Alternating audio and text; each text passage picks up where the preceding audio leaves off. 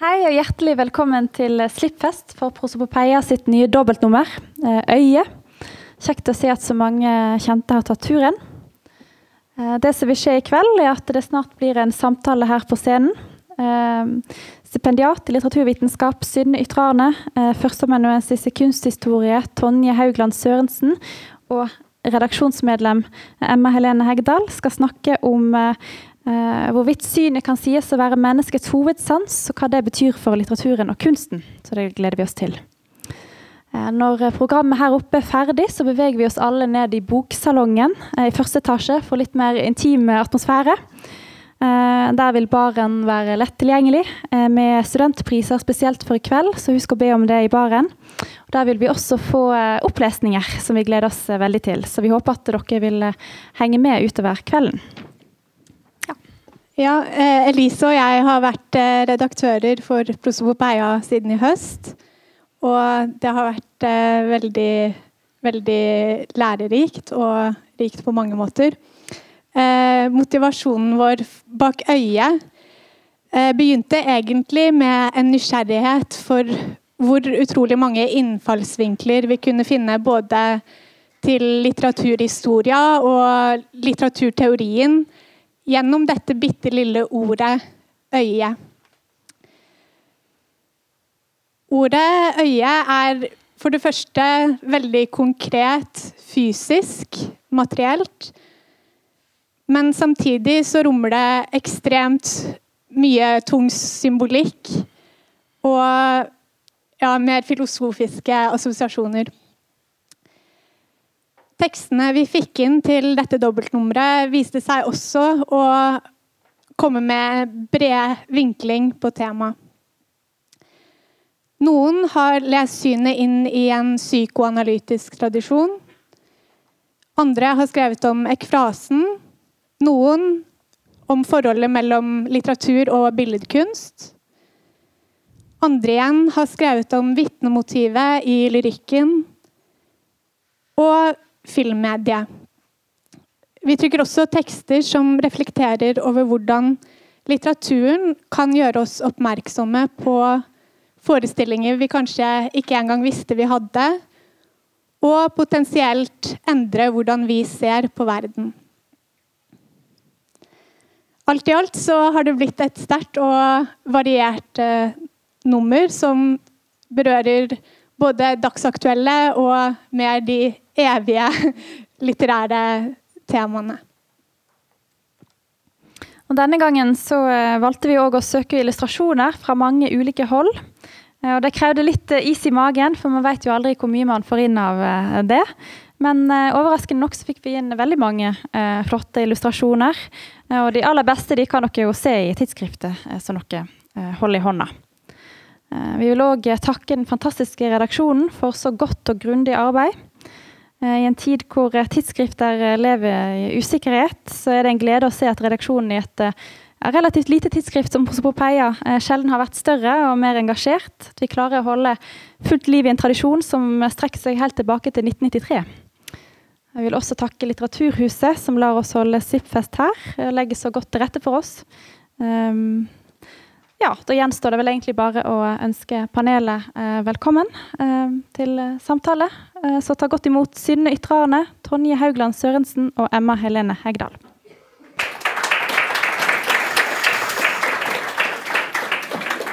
Ja, hei. Ja, jeg er da Emma. Jeg er masterstudent i eh, allmenn litteraturvitenskap.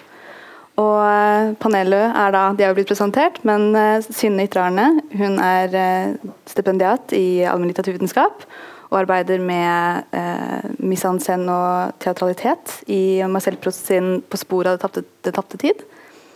Og så har vi Tonje Sørensen, som eh, jobber med visualisering av historie gjennom forskjellige medier, som film og fotografi og kunst. Ta dem vel imot.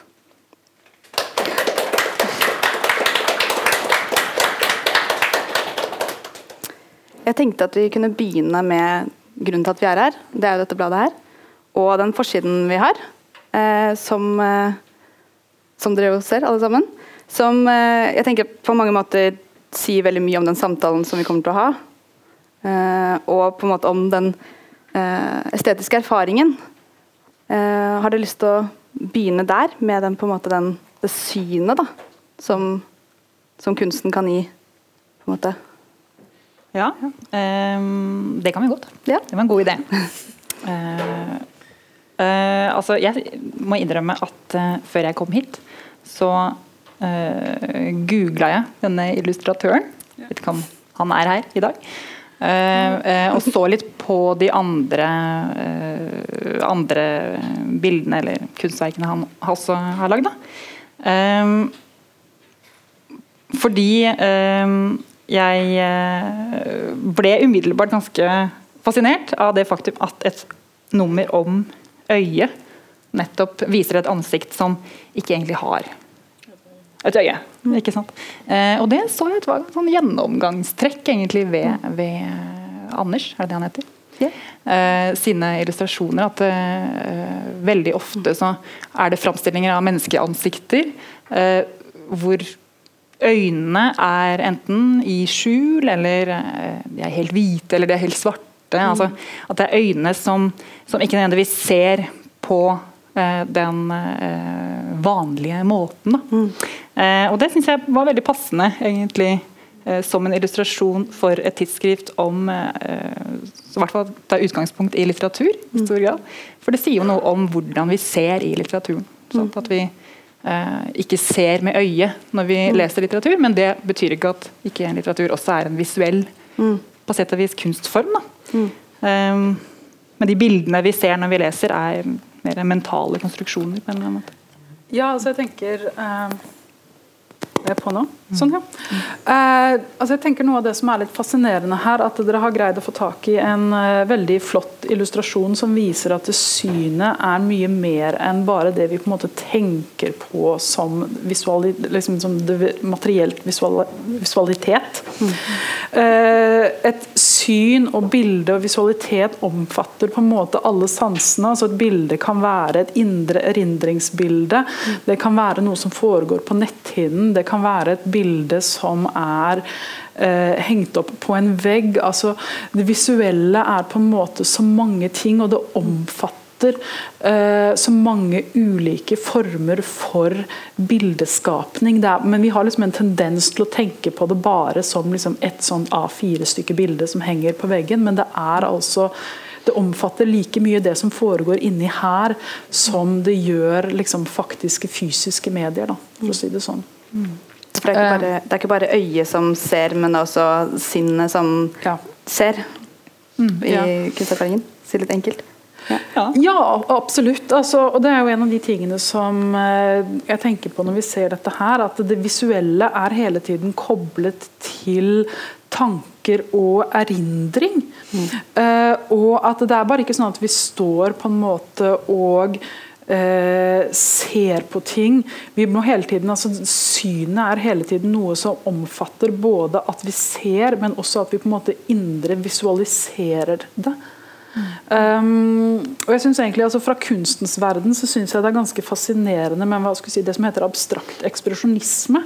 Som kommer på liksom 1930-1940-tallet i USA. altså Jackson Pollock, Mark Rothko, disse kunstnerne hvor de forsøker å skape en billedkunst hvor på en måte øyeblikket de skal frem til, er ikke nødvendigvis bare lerretet som henger på veggen. Det er ikke bare hos betrakteren. Det de skal frem til, er akkurat det øyeblikket som skjer når vi som betrakter ser på noe og kontemplerer det. Mm. Så de forsøker på en måte å Eh, konseptualisere en måte hvordan det visuelle inneholder like mye kontemplasjon og eh, refleksjon som det gjør liksom en ren sånn fysisk sansning. Da. Mm.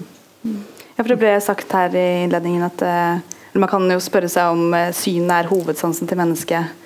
Og gjerne tar utgangspunkt i det visuelle i kulturen og, og samfunnet vårt nå. Hvordan det dreier seg veldig om, om eh, skjermene og om synet. på en måte. Eh, hva tenker dere om det? Er, er synet hovedsansen til mennesket? nei. nei. vi, vi, er vel egentlig ganske enige på at nei, det er ikke det. Altså, jeg, tror, jeg tror synet Um, må ses i relasjon til alle de andre sansene. og jeg tror ikke Vi, vi skal være veldig forsiktige med å gi den én av sansene på en måte mer forrang ovenfor de andre. Mm. Uh, jeg tenker Noe av det som er ganske fascinerende her, at hvis vi da tar utgangspunkt i folk som er blinde, f.eks., så vil altså følelsen, den taktile sansen, være mye mer sentral. Uh, hørsel og lukt vil være mye mer sentralt. Og eh, hvis vi på en måte fremhever synet som den mest sentrale eh, sansen, så underminerer vi på en måte deres sanseopplevelse. Så Det er en ting jeg tror vi skal være litt forsiktige med. Mm. Samtidig så er det jo sånn at ideen om synet, altså ideen om dette her guddommelige øyet, Big Brother sees you, den type ting, altså konseptualiseringen om det, har en ganske sentral plass i vårt samfunn. Mm. Altså Vi har en idé i dagens samfunn at hvis vi på en måte overvåker, eller hvis vi ser noe, så har vi en slags sånn oversikt. Da. Vi har liksom eh, skapt en, jeg vil si, en myte om at hvis du har et overblikk, hvis du har en satellittovervåkning, så har du på en måte en form for kontroll. og Der ligger det en sånn idé om at med en gang du har en overvåkning, med en gang du har synet eller visualiseringen inne, så har du en sånn makt over det du ser. Men altså, det kan jo da igjen diskuteres. altså men vi har på en måte ideen som ligger der om at synet har denne kraften. Mm. Mm. Men Speiler det også kunsten? At uh, man oppfatter kunsten som Eller har den på en måte en sånn hovedsakelig visu visuell uh, affinitet eller uttrykk? Uh, så ikke tenk på musikk, da. Nei. Men det er jo ikke, måte, det er ikke, noe, det er ikke noe smak eller lukt vanligvis i kunstgalleriene. Nei, men, men, men altså det, selv, selv, i møte med, med, litteraturen, som jo heller mm. ikke er en sånn eh, åpenbar visuell kunstform, så er det klart at du som leser tar jo i bruk hele ditt sanseapparat mm. på noe vis da, eh, når du eh, leser. Sånn at det mm. å, å, lese aktiverer jo på sett og mm. vis alle sansene, mm. egentlig. Også smakssans og lukt og, og, alt. Ja, for Man ser ikke bare for seg det som skjer, men man kan også oppleve Det kommer litt an på hvordan det er skrevet. da. Ja. Uh, ja. Og det, altså det, det, Når er det vi har erfaringer som er liksom utelukkende visuelle? Jeg vet ikke om Nei, det, skjer så veldig ofte, egentlig. Nei. Veldig ofte så kan jo et, altså et, et bilde kan jo vekke liksom en fornemmelse mm. av uh, enten det er en lukt eller det er um, en berøring eller det er et minne. Mm. Altså ulike Jeg tror det visuelle er fundamentalt sett knytta til måte, de andre mm. mm. sansene også, og til uh, andre kognitive uh, størrelser som på en måte mm. ja, fantasi, erindring. Mm, ja. Jeg bare tenkte noe av det som Synne og jeg har snakket om før, altså det visuelles plass i forhold til denne her, eh, historiske tradisjonen om retorikk. Mm. For der har jeg litt, synes jeg en, De kommer fram til noe veldig fint. altså i antikkens Hellas og i det gamle Roma så hadde man jo hele den her retoriske tradisjonen for hvordan man skulle huske sine lange taler, hvordan man skulle kunne holde taler uten å måtte lese dem opp. Og Da hadde man jo sånne visualiseringsteknikker hvor man skulle på en måte skape indre bilder. Og Det bildet man ble anbefalt å skape, det var at man skulle skape seg et hus med mange rom som man liksom tenkte seg. Og så skulle man da legge liksom eh, visuelle symboler for den delen av talen i de forskjellige rommene i dette huset. Men som Synne helt så fint sier, er at for å på en måte kunne aktivisere det, så må du jo også ha en mental bevegelse gjennom huset. Og det er et eller annet med der med at synet må alltid agere i samspill med de andre sansene. Og Det kan godt være at selvfølgelig den ene sansen innimellom er mer påtrengende enn den andre, men jeg tror det er viktig å hele tiden huske på dette her samspillet. For med en gang vi prøver å tenke oss at vi kan på en måte isolere en av sansene, så tror jeg vi mister noe av den menneskelige erfaringen. Altså. Mm.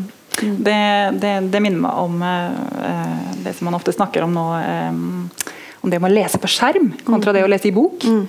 Uh, nå har ikke jeg forskninga som er veldig klart uh, for meg akkurat sånn i, i øyeblikket, men, men, jeg tror det er sånn at jeg har lest det, at man husker dårligere, mindre av det man har lest på skjerm. Eh, kontra det man leser i bok. Da. Mm. Og det skal visstnok ha noe å gjøre med at du nettopp når du leser i bok, så holder du i boka, så har du en sånn taktil erfaring. Mm. Samtidig som, eh, som du, du, ser. Mm. Eh, og den, det samspillet rett og slett hjelper deg til Eller det hjelper minnene til å feste seg mm. i, eh, i, eh, inni oss. I hjernen. Ja, det er jo snakket mye om det nå ja. i samtiden. Mm. og I Morgenbladet i februar så var det trykket et essay av Marina Warner, hun er kulturforsker, britisk kulturforsker og Holberg-prisvinner, eh, som het 'Hva, hva, blir det av oss i alt mylderet'? Mm. Eh, og Det handlet eh, nettopp om det om, om hvordan eh, skjermene og på en måte den der visualiteten og noe av det auditive, da, liksom i, mm. at det på en måte gjør oss at vi mister den evnen til å koble opp erindringen og på en måte skape ordentlige minner hun mente også at eh, hun kunne se hos sine elever da, at de ikke klarte å, å fornemme følelser av det de leste. Som, som det, på en måte å, å sanse. da eh, med, Selv med dikt som var på en måte fulle av liksom, lukter og smaker, og sånn, så var det liksom ikke noe De fikk ikke den som opplevelsen. Den artikkelen er jo ganske eh, krass da, mot, eller det er ganske krast mot, mot skjermsamfunnet. Mm. Eh, men eh, vi snakket litt om det i sted. Eh, og denne på en måte glattheten. Den glatte estetikken. Ja, ja glatte estetikken. Hun skriver om det. hvordan, ja. Hvis du ville si noe om det på en måte, når vi først var inne på dette med skjermer, altså det visuelle, da, på en måte, det som på en måte blir en sånn altså, Jeg kan jo begynne med å si at uh, jeg tror vi, vi skal være litt forsiktige med at jeg føler at det Maria Warner til dels gjør, er at hun setter en likhetstegn mellom den moderne teknologien og visualitet. og Det er ikke nødvendigvis det samme.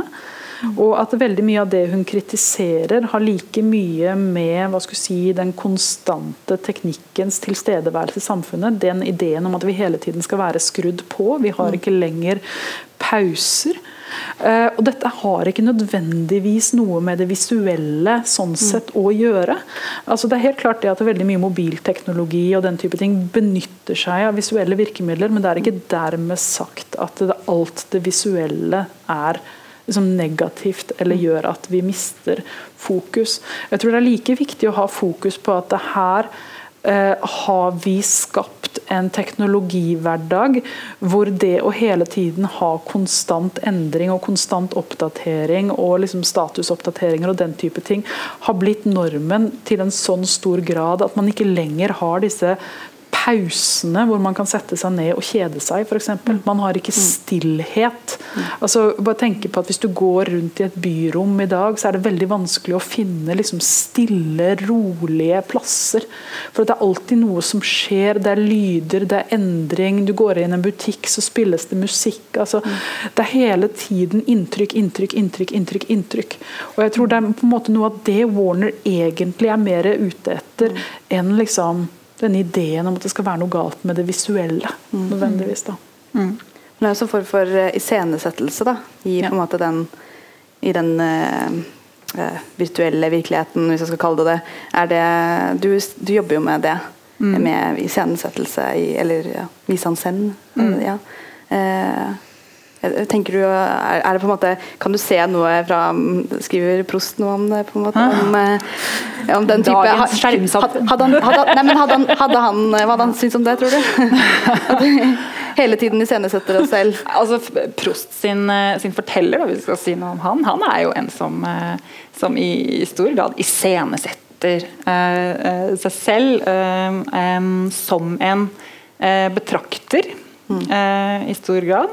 Eh, det, det, er ikke til å komme bort ifra. Og jeg tenker litt på det du nevnte i stad, om dette overvåkningssamfunnet. Mm. Eh, hvor eh, vi konstant eh, Om ikke vi konstant er sett, så har vi konstant en slags forestilling om at vi kunne være sett. At, mm. noen kan se oss da, eh, på en eller annen måte. Og det eh, er jo en idé som fant sitt uttrykk eh, allerede med Jeremy Bentham sitt ja. Eh, Panoptikon-fengsel. På Når var det? På 1700-tallet? Mm. Ja. Arrester meg hvis jeg tar feil. eh, eh, og den ideen om på en måte, altså det panoptiske fengselet, hvor du har en overvåker som, som ser deg mm. hele tiden, som potensielt sett kan være der, som ikke er synlig selv, eh, men som hele tiden kan se, det, mm. den finner du igjen hos Prost. blant annet. Han Eh, han utnytter den i ganske stor eh, grad, egentlig, eh, på litt sånn eh, eh, grusomt vis, syns jeg, egentlig, i eh, et eh, bind i På sporet av den tapte tid som heter 'Fangen'. Eh, hvor han nettopp da eh, overvåker eller utsetter sin kjæreste for eh, en slags sånn illusjon eh, om at hun bestandig er sett, altså at hun bestandig blir overvåka. Eh, og det gjør jo noe med henne. Sant? Eh, Men måten han gjør det på, er nettopp ved å iscenesette seg selv. Eh, som en, eh, en sånn, et konstant stedværende blikk. Eh, han har f.eks. en helt spesiell måte å spørre henne om hvor hun har vært på. Istedenfor å spørre hvor hun har vært, så sier hun ah, 'jeg vet at du har vært'. Sant? 'Jeg vet at du mottok et brev'. Og, eh, at han på en eller annen måte er sånn affirmativ. Liksom. Eh, ja.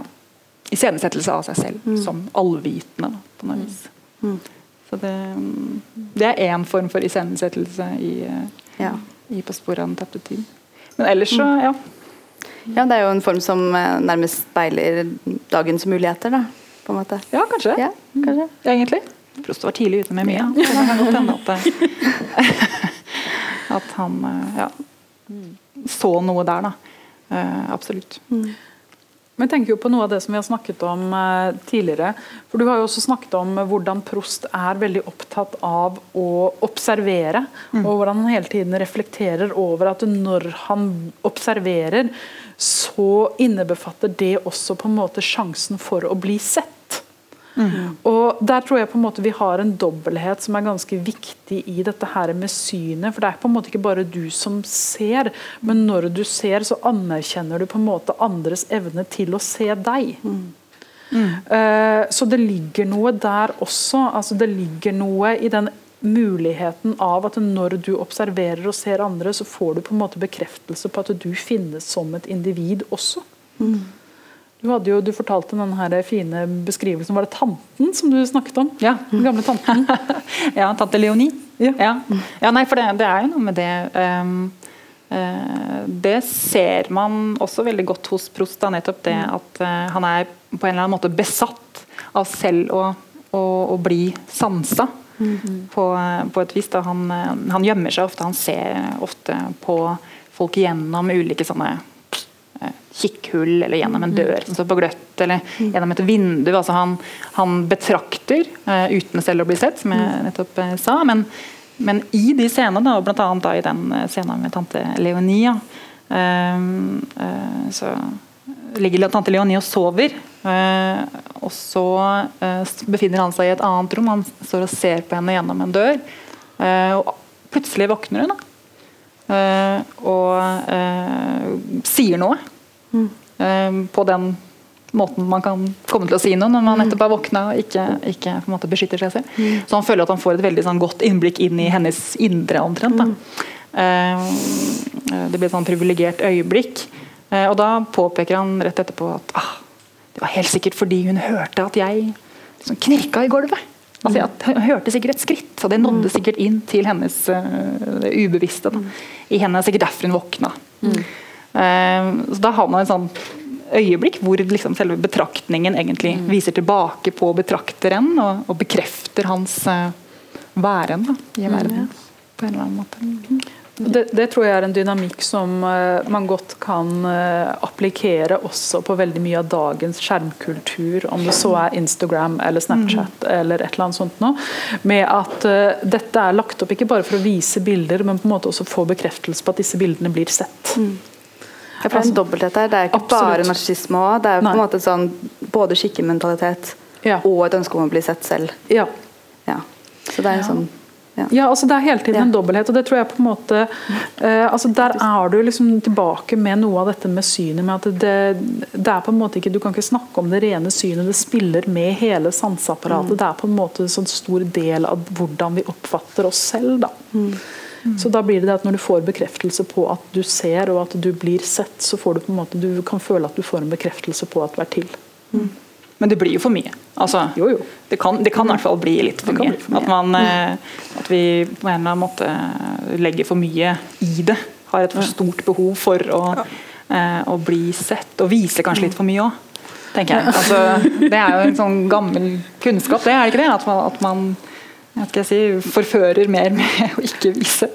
Altså ved å blottlegge seg helt. Så, ja. Og at forestillingen kan være mer eh, interessant enn det, Ja, på måte, det på en måte veldig sånn iøynefallende Ja, at. Den, ja, den mentale forestillingen Ja. hvor man ser Mm. ikke med øyet, men med, men med fantasien, kan Ja. være på en måte mer interessant, da, Mm. egentlig. Men det ja. Og Det er jo en form for retorikk i det. Det å ut, altså det å velge ut noe ikke sant? og presentere noe. Det er jo litt det du jobber med, er det ikke det? Sånn som jeg har forstått det. At du på en måte Ja. ja. studerer hvordan, hvordan man hele tiden hvordan på en måte Når blikket festes på noe, så velger man jo å se bort fra noe annet òg, eller sånn jeg tenkte på. Jo, absolutt. Altså, og når man da øh, hva skal jeg si, når man velger å lage en visualisering som man presenterer til verden, så er det jo, altså, da prøver man jo ofte å velge fram de tingene man gjerne vil framvise. Eh, og eh, der har du igjen en av dobbelthetene med det visuelle. og Da snakker vi gjerne liksom om igjen rollen det visuelle mediet har i samfunnet. altså Vi har denne floskelen om at et bilde sier mer enn tusen ord. og det er liksom. Men greia er jo at det, man har en sånn idé om at uh, fotografi f.eks. kan vise ting, eh, og at det kan på en måte gi oss en innsikt, en sannhet, i det vi ser. Eh, og dermed så har vi en slags sånn idé til foto, til visuelle medier, at hvis vi ser det, så er det sant. Eh, og Samtidig så vet vi jo at du kan iscenesette bilder, du kan iscenesette deg selv for det visuelle. Så det vi ser er ikke nødvendigvis alltid sant, men vi har på en måte denne ideen da, om at hvis du på en måte får framvist noe, hvis du ser noe, hvis vi får for eksempel, som ordtaket sier, får trukket det fram i lyset, ikke sant, sånn at det blir synlig, så blir det på en måte ansett som mer virkelig. Um, så det er, jo en hel, altså det er jo en del der når vi snakker om dette med iscenesettelse, om at dette her eh, hva man velger å vise frem, får man på en måte legitimert på en måte. Og Det tror jeg du ser veldig mye i ja, skal, politisk maktspråk og den type ting. Altså, det er jo ikke uten grunn til at politikere er så opptatt av at de skal ha sånne billedmuligheter hvor de håndhilser på folk eller klapper babyer eller et eller annet sånt. Altså, det er jo for å lage et image som de så på en måte skal vise til verden. Og for å få understreket holdt jeg på å si, ekteheten i det. da. jeg, jeg bare, kan jeg bare skyte inn noe? Ja. ja. Om eh, eh, tenker på dette her med sannhet. Eh, fordi at eh, Spørsmålet om sannhet er jo litt spesielt når du knytter det til kunsten. altså Hva er, hva er sannhet i kunsten? Og det, Noe av det du sa, fikk meg av en eller annen grunn til å tenke på eh, noe som Prost eh, sier, da, og han eh, tilfeldigvis. Og han, han sier noe om, eh, om eh, eh, kunstnerens eh, umiddelbare sanseinntrykk.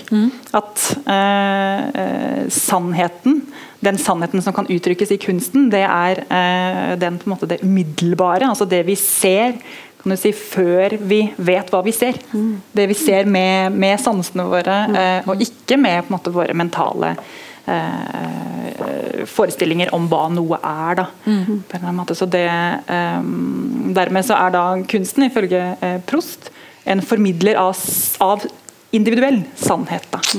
Eh, Intet mindre. Intet mindre Nei. enn det. Eh, Det syns jeg er en veldig eh, fin tanke, egentlig. Det er det. At det kanskje er den eneste eh, muligheten vi har da, til å se eh, noe av hvordan en annen ser eh, virkeligheten. Mm. mm. Universet. Ja, Ja. ikke sant? Mm. Men eh, kan kunsten dermed også vise oss noe som vi ikke egentlig kan se? Eller noe som vi ellers ikke kunne sett? Ja. Det, ja. det vil iallfall jeg tenke. Altså, men da må du Og jo først litteraturen eh, kanskje, sånn jeg tenker sånn foto, ikke sant? Det velger ut noe, og noe kommer i skyggen, mens Mm. I litteraturen så kan man se for seg ting som man ikke kunne, Ja, kan se i virkeligheten. Ja, men da må du jo på en eller annen måte også først eh, kanskje si noe om hva er, det, hva er det som gjør at du ikke ser, da. På noe vis. Yeah. Um, uh, en ting som, som kan gjøre at du ikke ser, uh, er jo en sånn ting som vane. Ikke sant? Eh, at uh, du, du har et sånn vanemessig forhold til omgivelsene dine, og dermed så legger du ikke egentlig merke til eh, det du har eh, rundt deg. Mm. Um, eh, Prost sier at eh, det er oppmerksomheten vår som plasserer tingene i rommet, og så er det eh, vanen som rydder dem vekk og gjør plass til oss. Mm. så han mener at eh, vanen, da, denne liksom, flittige husholdersken, på en eller annen måte mm. behersker rommet omkring oss, sånn at vi kan slappe av og, og ha det godt der. Da. Eh, men eh, samtidig så er det jo da noe steriliserende på noe vis ved, ved vanen, fordi den eh, Eller kanskje anestetiserende. Eh, at den på en eller annen måte temmer omgivelsene. Da. Eh, og kunsten kan jo fri oss fra det vanemessige blikket på, på virkeligheten, tror jeg.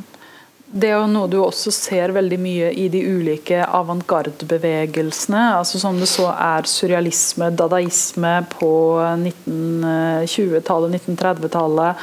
Eh, eller om det er liksom den mer avantgardistiske bevegelsen som vokste opp i forbindelse med Weimar-republikken i Tyskland på 1920-tallet. At veldig mye av det de er fascinert av, det er rett og slett denne ideen om at de skal utfordre vanen, og at de ser på kunsten. og Da innebefatter de også fotografi og liksom det visuelle, eh, i tillegg til musikk og klær og teater og alt mulig. De er jo multimediekunstnere. Men de ser på kunsten som en måte å utfordre de vanene vi har i hvordan vi forholder oss til verden. Eh, og da åpne for nye innsikter. Um, en av mine si, personlige favoritter, altså avantgarde-kunstneren Laszlo Moholi Naj, han er jo veldig opptatt av å bruke kunsten bevisst til å skape det han kaller neue sehen, altså den nye måten å se på. Og Da går han veldig bevisst inn i alle de ulike kunstformene han bruker, om det så er foto eller han lager filmmanus, han skriver teoretiske tekster, han lager kollasj i det hele tatt.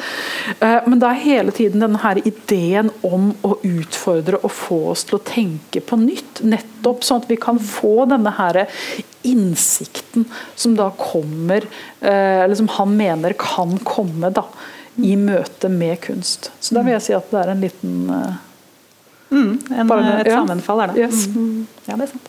Mm. jeg tenkte, Hva med på en måte litt andre veien? da, sånn, det er ikke andre veien, men Når man på en måte da får ikke gjøre sin egen, så kan se noe nytt, kan se noe annet, men når man får en visualisering av litteratur, da, en filmatisering gjerne eh, Det er jo både elsket og hatet det når det skjer. Eh, jeg vet ikke, det, Du sa at du hadde sett en uh, filmatisering av På Ja, sporene. i går. Ja, og, og den var kjempebra. Går det? Det var kjempebra! Ja. Var den ikke det, dere? Jo.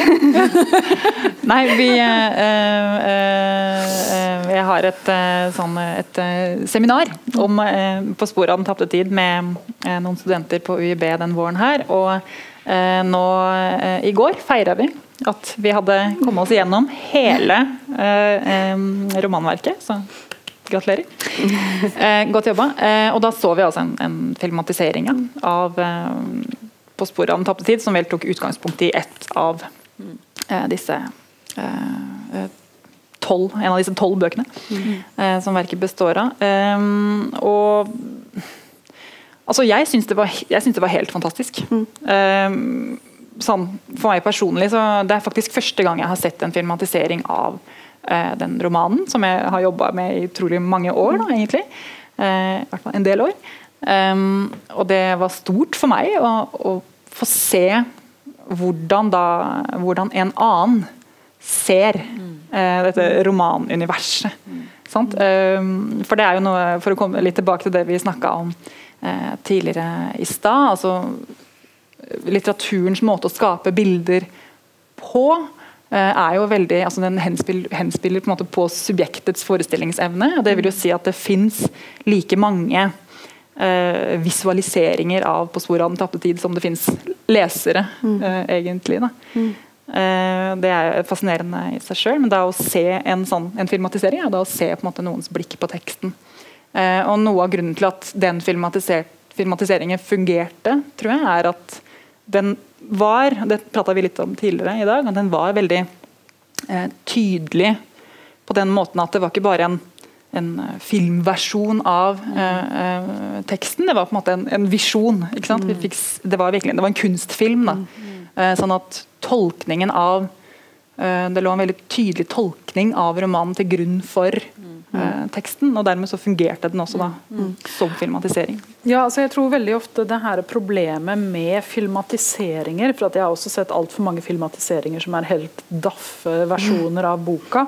Og veldig ofte så er, vil- jeg si at det, det jeg føler er problemet, er at de ikke tar verken boka eller filmen på sine mediums premisser. At når du faktisk skal gjøre noe om til en film, eller motsatt hvis det er det du vil, så må du ta hensyn til hva disse medienes virkemidler og hva liksom deres spesifikke styrker er. Og så må du rett og slett foreta en oversettelse. Og som alle oversettere vet, så blir oversettelsen aldri lik originalen. Og det må aldri heller være målet, det må være en slags fortolkning. Og jeg tror at når du får filmskapere som innser dette, som innser at det for at eh, vi skal på en måte ta utgangspunkt i dette og dette verket og lage en film, så må vi fortolke og vi må ta hensyn til at vi forteller liksom disse tingene vi vil på filmens premisser. Så kan du få en sabla god eh, filmatisering. For at Da har du på en måte respektert både hva som gjør det litterære verket spesielt, og hva også som gjør filmen spesielt, og hvordan de på hvert sin måte skaper ulike visualiseringer. Da. Om det så er liksom mentale visualiseringer, eller om det er eh, filmatiske bilder som også da er med på å skape inntrykk. Eh, Men det er jo dessverre ikke alle filmskapere som tar hensyn nødvendigvis til det, og da får du veldig ofte litt sånn blodfattige filmatiseringer. At du kjenner igjen rammeverket av fortellingen av boka som er filmatisert, men du føler på en måte at det mangler noe. Ja. Da tror Jeg de rett og slett, altså, jeg vil si at da føler jeg ofte at de, de har ikke tatt hensyn til medienes premisser som ligger. altså Hva er de ulike mediene sterke på, og hvordan kan dette fortolkes og omtolkes. Så Du må rett og slett ha en slags sånn kunstnerisk oversettelse tror jeg, for at det skal kunne fungere.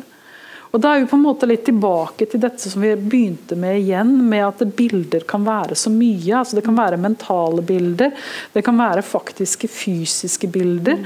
Og eh, når vi på en måte skal forholde oss til det visuelle, så må vi hele tiden tenke på samspillet, men også forskjellene mellom disse. Og hvordan disse virker inn på hverandre. Um, en av de tingene du nevnte jo så vidt i stad om ekfraser. For at det er jo, altså, det er jo et en form for tekst som altså Som kunsthistorikere så syns vi jo det er kjempefascinerende, for her har man en tekst hvis mål på mange måter er å skape indre bilder og indre visualiseringer. Og hele den ekfraseteknikken er jo i visuell retorikk, altså hele historien med visuell retorikk, så er jo den ekstremt sentral, og den tillegges enorm makt. Uh, Cicero annet snakker jo om at ekfraser, at hvis du har en god ekfrase, så kan du vinne en rettssak. ikke sant? For at du kan, ja, men du kan skape så mye følelser. Tenk deg han skal sitte der og få noen dømt eller frikjent, mest dømt. Eh, eh, og at du da kan greie å skape et bilde, du kan greie å få liksom følelse inni hodene på folk. Selvfølgelig kan det være med på å liksom få folk til å være enige med deg. Altså det, det ligger en enorm makt der, hvis du kan greie å få den visualiseringen. da. Tenkte du noe om det, eller var det Jeg tenkte mye om det. Nei, altså Nei, jeg, bare syns det er eh, interessant, ja. Hvordan, eh, hvordan beskrivelser kan altså hvordan, Hvis jeg forstår deg rett, at, at tanken er at beskrivelsen skal vekke Ja. et, en spesiell reaksjon da, egentlig i, Ja. i uh, tilhøreren. Ja. Uh, skal være et slags argument, overbevisende. altså det er det forekommer meg som litt sånn risky. Altså, med tanke på det vi snakker om nå, hvordan, hvordan eh, litteraturens beskrivelser skaper liksom en uendelig rekke med bilder. Ja. Skulle man tenke at også disse ekfrasene ville kunne fungere på samme måte. Da.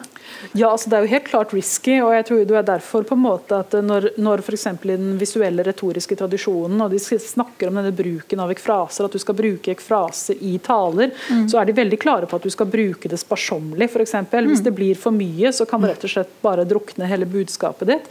Men hvis du bruker det på rett tid til rett sted, så mener de at da, og hvis du på en måte er såpass dyktig at du greier å liksom, bruke ordene sånn at du kan mm. Fremmane disse her bildene og reaksjonene, så kan du vinne på det. Da kan du virkelig mm. få liksom, det store følelsesmessige poenget, eller du kan vekke den store empatien. altså Du kan gjøre de tingene der, da. Men det, vil det si at uh, den typen ekfrastiske uh, beskrivelser da fungerer på en veldig annen måte kanskje enn en enn kunsten. Fordi at, vil ikke Et mål med kunstens beskrivelse være eh, å vekke på en måte så mange ulike bilder som mulig så mange ulike reaksjoner som, som mulig. Nå må jeg bare spørre, når du snakker om kunsten ja, nei, Nå tenkte, tenkte, nei, nå tenkte jeg f.eks. på litteraturen. Litteraturkunsten, ja. ja, ja. Eh, jo, altså det, jeg vil jo helt klart si at uh, retorikk, altså den klassiske mm. retorikken, er mye mer pragmatisk nyttetenkning. sånn sett. Mm. Altså Den er en del av en diskusjonstradisjon. Mm. Uh, så Der er det helt klart, der bruker man det veldig bevisst for å argumentere for sitt syn og for å ha det rett. Mm. Og du har jo helt klart at Hvis du går på den mer hva skulle du si, eh, kunstekfrasen, for å si det sånn, så eh, vil man helt klart ha, liksom, åpne for en helt annen form for mangetydighet enn det mm. kanskje en retoriker ville benytte seg av. da. Ja. Men er det også en forskjell der? Du snakket om det med medier. ikke sant? Forskjellige medier. Og det er også det, altså Når du jobber med litteratur og du jobber med kunst og film, og sånne ting, så er det også altså Litteratur er jo allerede ord, selv om du på en måte skal jo på en måte beskrive det med andre ord. Men du må jo på en måte egentlig gjøre en sånn ekfrase når du skal bearbeide det eh, og jobbe med det. Uh, ja, og det er kjempevanskelig. Uh, og jeg vil si at en av hovedutfordringene, både når du skriver om film, eller når du skriver om fotografi eller kunst, eller noe sånt nå, er nettopp det at du skal prøve å fortolke det om til ord, og prøve å beskrive hva du ser, uh, og hvorfor akkurat disse detaljene slår deg som viktig. Um, så vi pleier jo å si at Innenfor kunsthistorie så er liksom en del av håndverket du må jobbe med, det er nettopp denne her beskrivelsen. Mm. Uh, altså vi kaller, pleier ofte å kalle det liksom sånn formalanalysen eller noe sånt noe kjedelig. Men altså greia er at det, uh, det, er hele det hvordan du skal Da er vi tilbake over på det at du skal på en måte fra ett medium og til noe annet. altså Du skal fra det visuelle og til tekst. og Da må du hele tiden tenke på jo, men hvordan skal jeg få denne oversettelsen? Hvordan skal jeg kunne få beskrevet det ned? Mm. Sånn at jeg trekker eh, oppmerksomheten dit jeg vil. Mm. Men samtidig, det er jo ikke alltid det går, så det er jo en grunn til at kunsthistoriebøker er ganske rikt illustrert, for å si det mm. sånn. Så at vi heller bare kan si C figur 3B istedenfor at vi behøver ikke skrive masse. Derfor? jeg tenkte vi kunne gå litt tilbake til det med erindring, for det jobber jo dere begge med. Jeg tenkte på Hvordan er det kunsten kan altså Kan kunsten også få oss til å minnes ting? Og kan vi, kan vi minnes ting vi selv ikke har opplevd? Kan vi føle at vi har opplevd det selv om vi ikke har det, når vi erfarer kunst? Ja, kan vi det? Altså øh, Det er vel iallfall sånn at, øh, at øh, minner Eh, og eh, andre forestillinger, altså mentale eh, bilder. Eh, lagres samme sted i hjernen som eh, ting de faktisk har opplevd. Da. Mm. Så det kan jo eh, det, var, det, viste Prost for mange år siden, men mm. Marina Warner fortalte meg at kognisjonsvitenskapen nå liksom også bekrefter det. Mm. og det er klart det gjør jo noe med at med måten vi Kanskje, kan, kanskje litteraturen for eksempel, kan skape mm. falske minner. Da. Mm. Hvis man leser det når man er ung, og så på en måte går det mange år, og så hm, var det, var det Skjedde det meg, eller skjedde det ja. ja. ja. jeg vet ikke. Jeg vet ikke. Iallfall så, så er det fascinerende hvordan eh, når du eh, leser en, en, en, bok, så skaper du jo bilder eh, inni deg. og Eh, personlig i hvert fall, så har jeg erfart flere ganger at jeg har lest en bok på nytt igjen. Mm. Ti år etter. Mm. og jeg finner igjen de samme rommene. Mm. Altså at Vips så, så, befinner jeg meg på samme sted, og jeg vet hvordan det ser ut. da. Uh, og det tyder jo på en eller annen måte på at eh, kunstens bilder kan eh, Altså at de, de blandes med, med, minnene våre, mm. egentlig. Ja, altså, det, er egentlig det er et veldig godt spørsmål, og det er et ganske hett debattert tema innenfor dette her med erindring og det med å lage minnesmerker og monumenter, f.eks. Mm. Um, I hvilken grad kan kunsten gi oss uh, visualiseringer på en måte av ting som har skjedd som ikke nødvendigvis er våre? Altså, jeg vil strekke meg dit hen at jeg vil si at det kunsten kan gjøre, er å lære oss empati. Og at den kan sette i gang vår forestillingsevne. Sånn at vi kan kanskje dikte oss inn i situasjoner som vi ikke har opplevd. Men jeg tror vi skal være litt forsiktige med å, å se for oss at det på en måte kunst kan komme inn som noe slags sånn prostetisk minne. Mm.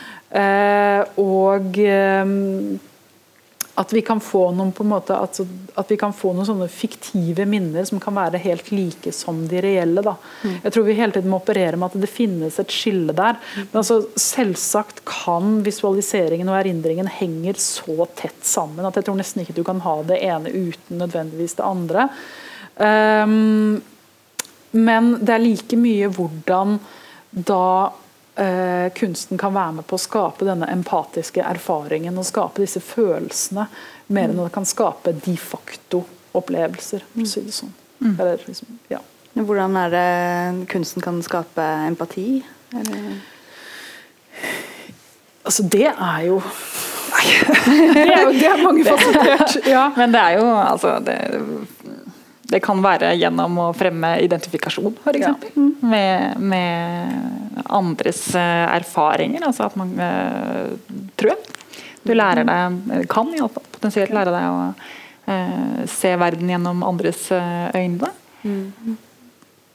Ja, altså jeg kan jo ta, Hvis jeg kan ta et litt sånt mørkt og dystert eksempel. Altså for at Noe av dette her har vært veldig mye diskutert i forbindelsen av hvordan man skal formidle og vise fram holocaust.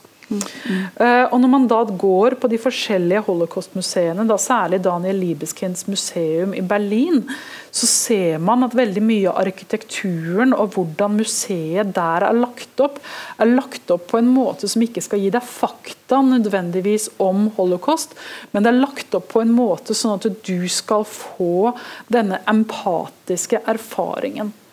Og museet er jo, altså Arkitekturen på museet er bygget sånn at den er ubehagelig å gå i. At uh, veggene er på en måte enten så er de skjeve, eller så går gulvet den andre veien. og sånt noe. Og For å komme fram til utstillingsområdet så må du gå ned en lang lang, lang, lang trapp, og så må du gå gjennom en gang. og sånt noe. Og Det er hele tiden denne følelsen av at du blir liksom bare loset gjennom noe. Du er litt hjelpeløs, du vet ikke helt hvor du skal hen. Og Når du da kommer fram til selve hva skal si, hovedområdet, så kan du velge tre veier. Og Den ene er da de som eh, var i eksil, hvor du da kommer ut i en veldig stille og rolig hage.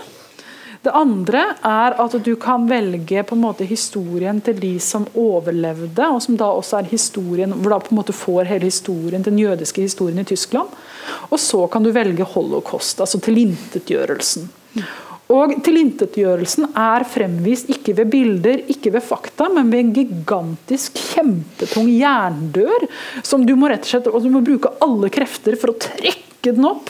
Og Når du da går inn i dette mørke mørke rommet, som er en sånn gigantisk silo med en bitte liten vindu på toppen, så smeller denne jerndøra igjen bak deg, og så står du der i mørket. Og Det er kaldt, og det er ubehagelig, og det er skikkelig ekkelt. Og du føler deg fanget. Og Der har du rett og slett et museum som da på en måte for å kunne formidle dette, for å kunne minnes dette, tar i bruk jeg vil si, ganske sterke kunstneriske grep for å da liksom skulle fram, øh, liksom fram øh, elske, holdt jeg på å si, en form for empati hos deg. At du føler at du lever deg inn i det du ser. Mm. Så jeg vil si at Der har du på en måte noen eksempler på hvordan det kan benyttes. da. Mm.